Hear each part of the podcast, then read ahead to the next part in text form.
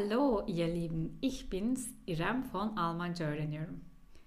Ihr wisst ja schon, ähm, dass ich normalerweise Unterrichtvideos zur deutschen Grammatik mache, aber dieses Mal möchte ich etwas anderes ausprobieren. Ähm, in dieser Aufnahme möchte ich mich vorstellen und eure Meinungen einholen. Ich heiße Iram und komme aus der Türkei. Ich bin 31 Jahre alt und verheiratet. Ich habe keine Kinder, aber ich habe einen Hund. Seit ähm, sechs Jahren wohne ich in Deutschland. Ich kann Türkisch, Deutsch und Englisch sprechen. Ich möchte euch fragen, was ihr mögt.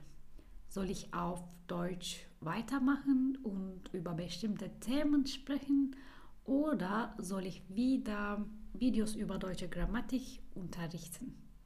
Oder beides. Unten findet ihr einen Link.